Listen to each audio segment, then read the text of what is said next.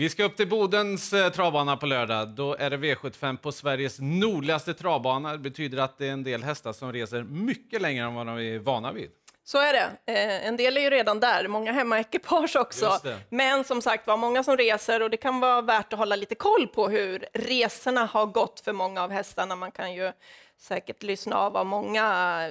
Man brukar vara väldigt tydlig med ifall hästen inte dricker eller något. Sen ska vi komma ihåg att hästarna är otroligt eh, tuffa och tåliga med att resa. Mm, just det.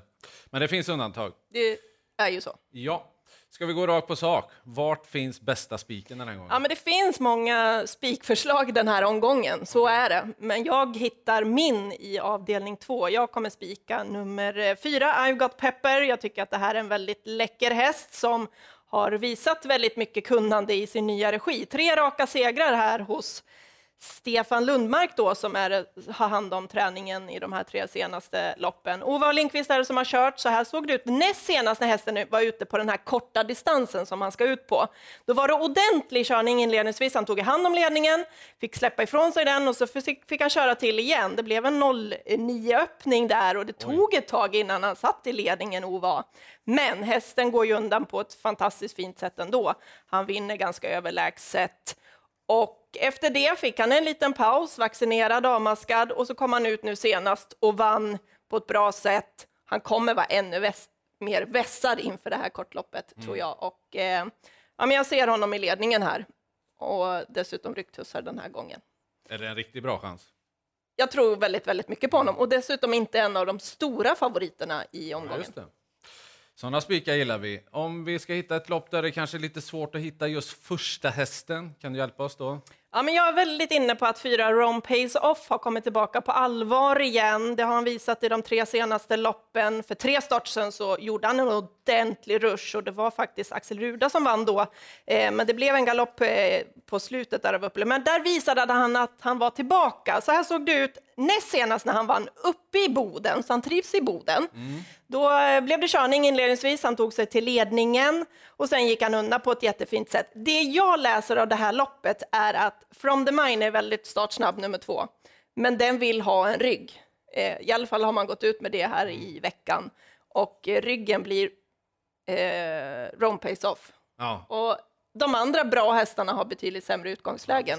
Därav tycker jag att det här är helt klart den första hästen du har scenariot klart där på Rome Pays Off då. Eh, den första avdelningen, har du någon rolig åt oss där?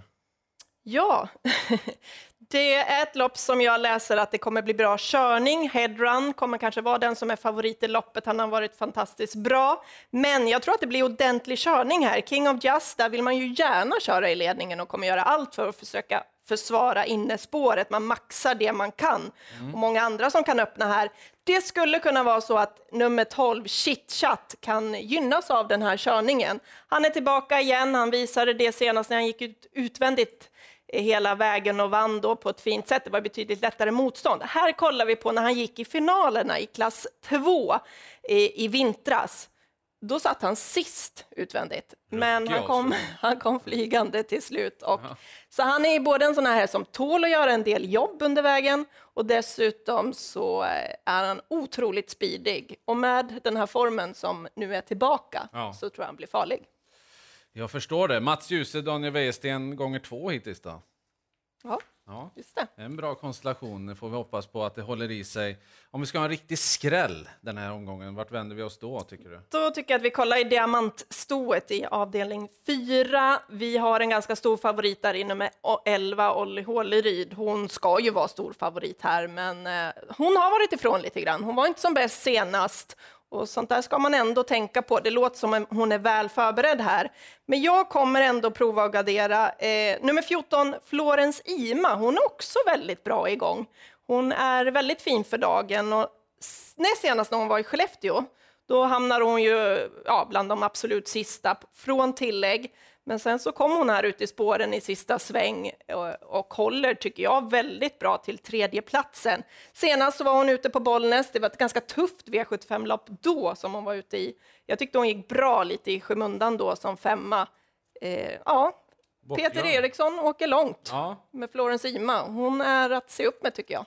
han eh, har gästat eh, Boden med framgång före Peter Eriksson. Så är det. Ja, hoppas han gör det igen då. Eh, Blir det bra betalt i sånt fall? Hur tänker du kring favoriten i sista avdelningen, Love You Schermer? Ja, men det är klart att han ska vara favorit i loppet. Det ska han vara med den prestationen han visade senast, helt överlägsen. Det som är ju att han har långresa upp till Boden och att han kommer bli en sån jättestor favorit. Och nu ska han ut på 2640 meter, han blev lite pigg senast, nu ska man ändra lite huvudlag och sådär.